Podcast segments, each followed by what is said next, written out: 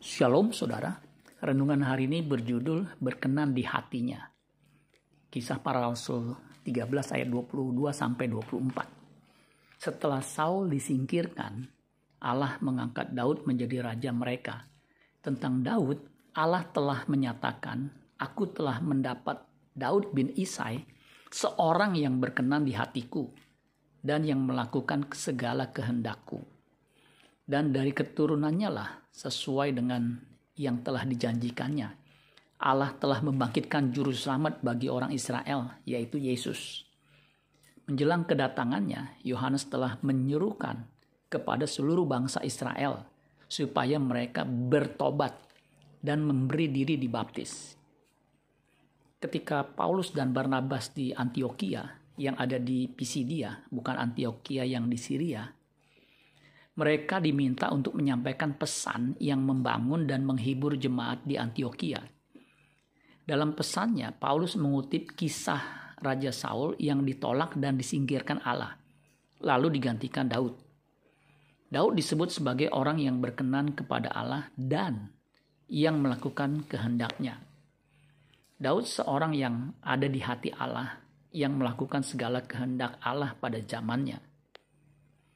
Kisah 13 ayat 36. Dari keturunan Daud lahir Kristus. Kristus adalah model manusia yang seluruh hidupnya menyenangkan hati Allah Bapa.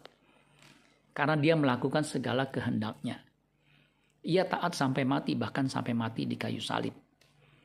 Orang yang percaya kepada Kristus disebut anak Allah, sekaligus juga disebut sebagai saudara Tuhan Yesus. Sebagaimana Kristus hidup berkenan kepada Bapaknya, dengan melakukan kehendak Bapa.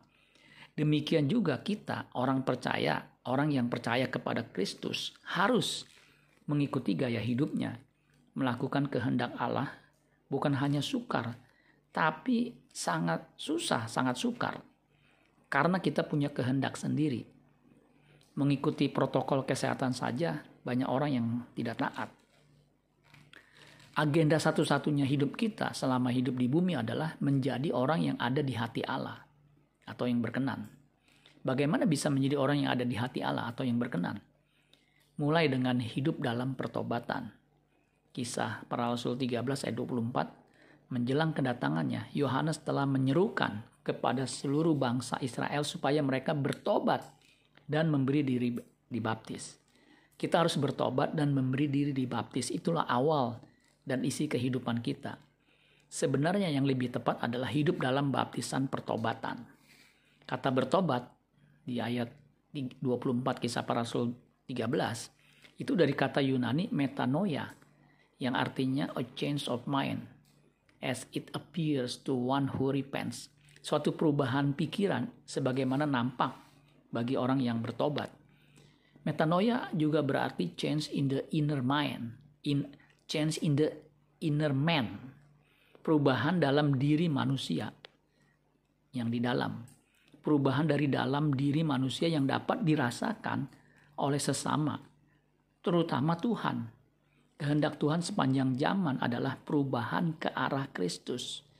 Perubahan inilah yang membuat kita ada di hati Allah atau Allah berkenan. Hal ini sejajar dengan mengerjakan keselamatan Isinya adalah menaruh pikiran dan perasaan yang juga terdapat dalam Kristus. Hanya orang yang makin serupa dengan Kristus saja yang ada di hati Allah. Menjadi seorang yang ada di hati Allah atau yang berkenan di hadapan Allah, itu satu-satunya isi tujuan hidup kita. Amin berfirman Tuhan. Tuhan Yesus memberkati. Sola Gracia. Shalom saudara. Rendungan hari ini berjudul Masa Kebodohan. 2 Samuel 11 ayat 4 sampai 5. Sesudah itu Daud menyuruh orang mengambil dia. Perempuan itu datang kepadanya lalu Daud tidur dengan dia. Perempuan itu baru baru selesai membersihkan diri dari kenajisannya. Kemudian pulanglah perempuan itu ke rumahnya. Lalu mengandunglah perempuan itu dan disuruhnya orang memberitahukan kepada Daud demikian. Aku mengandung ketika Raja Daud berzina dengan Betseba, istri Uria prajuritnya, ia sudah mempunyai enam istri, enam orang istri. Belum ditambah lagi, ia mengambil beberapa gundik dan beberapa istri lagi. Jadi Daud seharusnya tidak punya alasan untuk selingkuh atau berzina. Lagi pula dia bisa minta baik-baik kepada Uria, suami Betseba. Uria mungkin, mungkin tidak bisa menolak permintaan tuannya yang sangat dihormatinya itu. Di saat keadaan yang sangat nyaman, itulah justru Daud melakukan dosa yang menghina Tuhan. Apa yang dilakukan Daud itu jahat di mata Tuhan, di mata Allah. Mengapa sang raja besar bisa jatuh ke dalam dosa yang begitu nista? Daud saat itu berada dalam masa kebodohan atau waktu jahiliyah. 1 Petrus 1 ayat 14 terjemahan lama mengatakan begini.